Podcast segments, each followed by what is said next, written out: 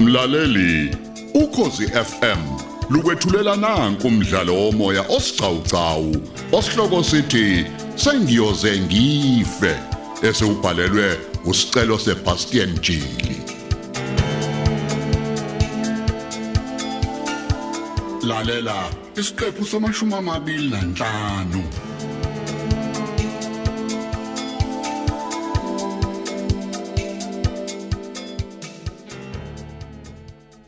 Ake ngibuze la kapteni njengoba sigcine lo mandashazana nje kancele ngeke nasigaxelisa noma ngithi somgcina kuze kube yinini Hayi ungakhathazeki. Uyahamba lo next week. Hayi bazomlanda bazomlanda laba bazomthenga.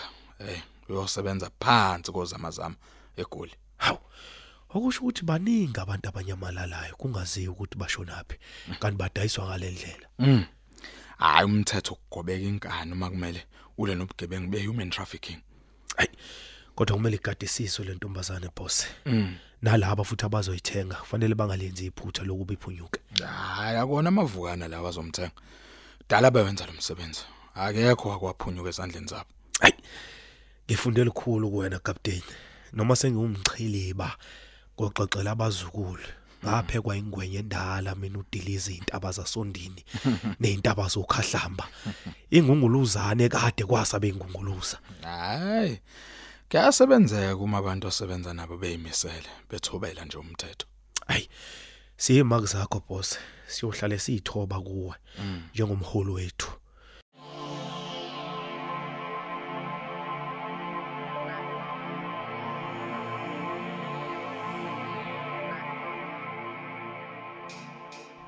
Ey uyazi nginenkinga ke manje sayitshela icele. Mhm. Uncela usezophuma esibedlela.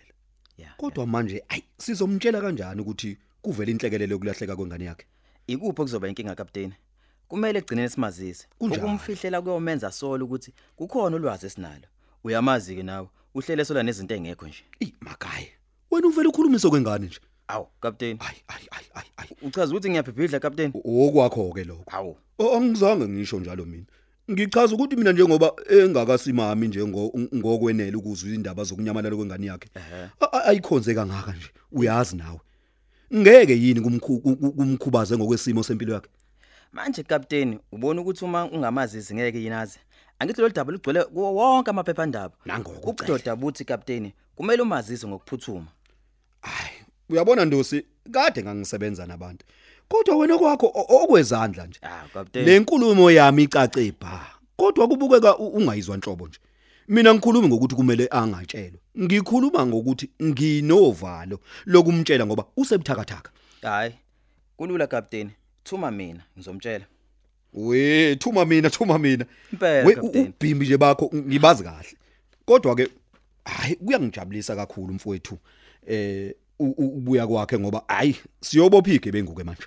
Ey kapteni, kubhlungu ngoba uzobuya singenawo ngisho umkhondo walabo abathumba indodakazi yakhe. Ayi wena uhlasa unegative nje yindaba. Hayi.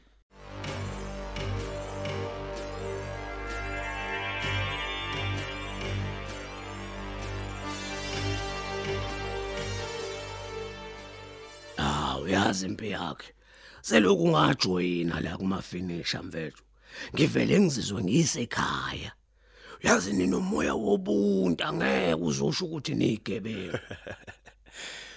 Ubugebengu kuyisiko kuthina mfowethu. Ya. Kodwa kubuye kusho ukuthi sizalwa emakhaya esakhuliswa kona ngenhlonipho. Ah ushaya igama lapho mfethu. Hayi singamajita. Kumele sibhekelelane. Uyazi ngangithi nizongikhipha inyombazane ngangifika la. Uyazi ke na ukuthi makuzelwe ingane entsha ekhaya. Laba badala abantwana. Baba nesikwele sengathi sekuzonakwa yona yodwa. Kodwa hayi navele nangikhombisa nje ukubambisana okuhle nami. Hayi siyabonga mfowethu kuzwa lokho. Awukwahleke lunjani uvalo nje? Njengoba phela sesizoqala lesi IT heist. Uzoduma izulu. Ilanga lizocasha lisaba ukufakaza ngelizokubona Hayi. kuzobe kungadlalwa kule heist. Hayi belukhonyana uvalo. Hayi kodwa ke ukuphila nanzi inkabi hayi kungiqinisa idolo kakhulu. Sekobu wafa wafa kule heist iyobanjwe sitshele nayo hayi kunjalo ngempela ndoda hayi habe. kodwa umakhasana hey hayi yazi sengifise ngakuthiwa lolu usuku selivele lafika ladlula kuze kucaca abafana emadodeni. Habi ngiyayithanda indlela oyinikele ngayo insizwa nesibindi sakho. Ukhombisa ukuba indoda esingayethemba. Mana ke mfowethu konje nina natsho lana kanjani nodeleza? Hayibo sasishayela amatekisi akhe thina udiliza hayibo ngalokhu sixoxa ke naye wasibona ukuthi hayi singabafana bakhaliphile angabafaka ethimini yakhe. Sangena kanjalo ke O- o- wendoda Ka- kanti unamatekisi udeleza? Habe usho okuncane wena. Hayibo hey le ndoda irich mfowethu unama truck ocode 14 amathathu aqashise ngawo. Hayi hayi hayi. Hayi ngiyamvuma udeleza usesebenze kakhulu mfethu. Yeah uyazi a- akekho mdala kakhulu lo mjida mangimbuka mangimbuka nje cishe ulako futhi. Hayi kodwa hayi sewuqoqile umnotho. Hayi le ndoda isikudle kakhulu mfowethu hayi hayi hayi hayi yabona kodwa mayichazela ngegemegeme adlula kuzona. Uyabona ukuthi kube omunye umuntu ngabe kade aqashuka? Yo yo yo yo. Hayi kodwa kokungiphatha kabi mfowethu mase ngizwa ukuthi le heist yomhlala phansi hayi man bengisazimisele kakhulu nami ukusebenza eduze kwale ndoda edume kangaka mfethu hayi kanti ungakhali kakhulu eish naloko uzokuthola nje kuzokwenza ukuthi ukwazi ukufeza amaphupho akho eish Angimele phela uzukugele ebugebengwini. Ungaze ubulawa amaphoyisa. Ashaya inhlamvu kuphela amaphoyisa manje egebengwini. Asekhathele nawo.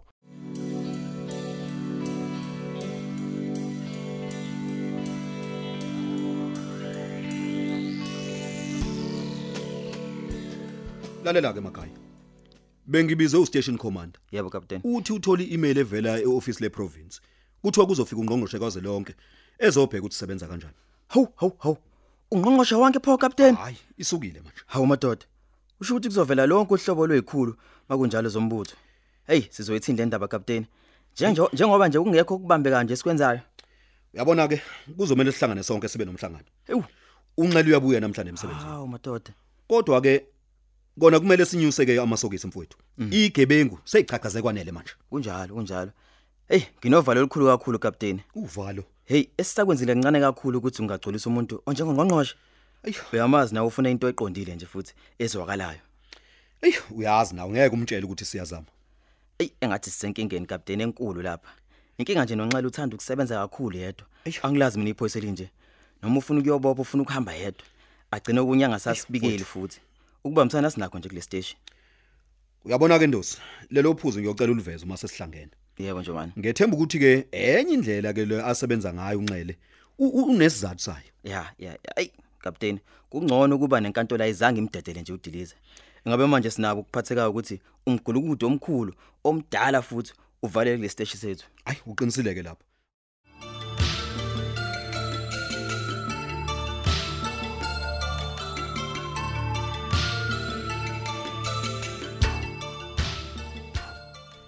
Hayibo. Ngibonani ngamehlami? Awuthi ngilicingisise kahle isihloko saleli phephandaba. Kuthunjwe indodakazi yomseshi. Hayi ngizoke ngiphuthume ngilithengeke leli phepha. Uvale nginalo hayibo. Kungenzeka yini kube ukuthi bashuthuleleni? Phela kudala lengane ngiyizama ocingweni angiyitholi ngiyitshela ukuthi network. Hayibo kanti lezi igebe ngempela ngempela ziqondeni. Ziqondeni ngempela.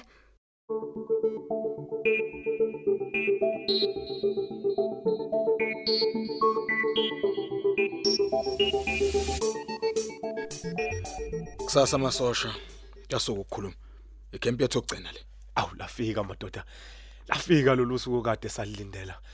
Wafika umhlala phansi. kulokhu ke angeke sivume nje kube khona okuzoma endleleni ethu nakancane ufingerman unginikile isiqiniseko sokuthi imoto izobe ihamba kumuphi umzila captain wanginika isiqiniseko sokuthi ngempela izobe iphethe 100 million. Emadoda ya. Ya. Okusho ukuthi ke le isiyayith heist enkulu kuna wonke sake sawenza abafana Oh, oh, oh. Hayi, kuyajabulisa kakhulu ukuzwa lokho captain wethu. Yazi umuntu uzokwazi ukuhlomula ngokuncane, azamele ibhizinisi ani. Imadoda. Ke ngiphuma otakwini lokuxakeka. ngiyawethemba sam ngeke ulenze iphutha Nje, onogada uma besarenda abafana sibaphuca ibhamu ezinkulu nezincane singabaqashuli kodwa uma belwa kuphambana imthofu bafana emoyeni yangezwa hayi unogade ofayo ufa ngoba esuke ethanda ukufa angimile lapho. Udingeka ube namehla abukhali njengawe imamba kule job. Ngqo. Ngoba iphutha elincane nje lokucwayisa kufa wena. Isikhathi sokucabanga sikho madoda. Kukhona isikhathi sokwenza kuphela. Hayi siyoshiya kuyisiphihli nobusaphasapha emgwaqweni. Ya niyazi ke kusebenza imoto eziningi ezahlukene la. Yangithi niyakwazi lokho? Kapteni wethu. Angilifuna kancane iphutha abafana ngisho kungakhona abantu ubanjwayo bafana. Akabakhipha abanye nangizwa. Ofokisi bethu. Yazwakala bafokise baqeda babona konke. Manje captain awusho. Ku tap tap method yonke into imngomumo? Konke kumi ngomumo mfana. Nosha sibhamu bethu. Ujomba nompi yakhe. Hayi bayawubasa umthofu strong strong kakhulu. Okusempele nje ngiphethe ibutho limi. Kuxabhisisa uma sesishunqisa umsisi engingakusho nje ukuthi kusasa bafanele amanqamu. Sibaningi ke kulomsebenzi abanye nabanye anibazi. Niyobona ngeyitekela umhlophe ukuthi lo uhamba nathi. Kukhona nje umqapho ozofika kuqala enkundleni. Sixhumane naye angazisi isimo ukuthi sime kanjani. Uyena futhi ohamba kuqala. Uyobe ngayibambi yena kodwa uyobe qaphe isimo. Oya naye kodwa uhlomile. Mayebona impi ngaphezulu hayi mfana hayi nayo yodedela umlilo futhi. Hawo yazi captain mina ngangizitshela ukuthi nivele nibambe nje ngezinsukwana nihlela. Hey kanti mkhulu kangaka umsebenzi la. Hayi suhlela u3 months kangaphezulu noma nje unyaka lomsebenzi ya makusa kusasa hayi siyogeza abafana ngentelezi. Ya sibopha amabhande ethu liyoshonela kusasa intatheli hawo hayi zobe zinesihosha ibabaza isiphihli Kwabe osuke konake. senzeke lapha nobusaphasapha. Hayi asinavalo kapteni wethu. Sime ngomumo. Konje kapteni izimoto esibaleka ngazo angithi yakubi lezi esisuke sifike ngazo. Hayi uyibambe ngomthetho mfana injalo nje. My kapteni injalo. Mayiphonseka nje emseleni imoto. Hayi lapho ke siphuma ngokusheshsha sophuca nogadi ikhali emva kwalokho qoqa imali sivula isefo ukhona ukwada master wethu njalo onekho nelikhulu. Yilo esesimsebenzise before. Asijiki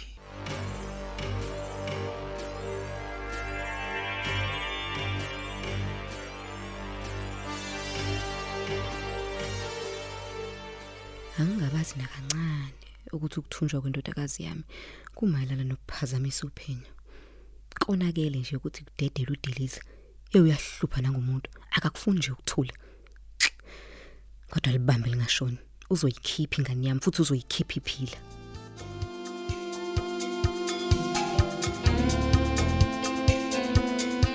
Asubambe lapho ke umdlalo wethu womoya osihloko sithi sengiyoze ngife olethelwa ukozi FM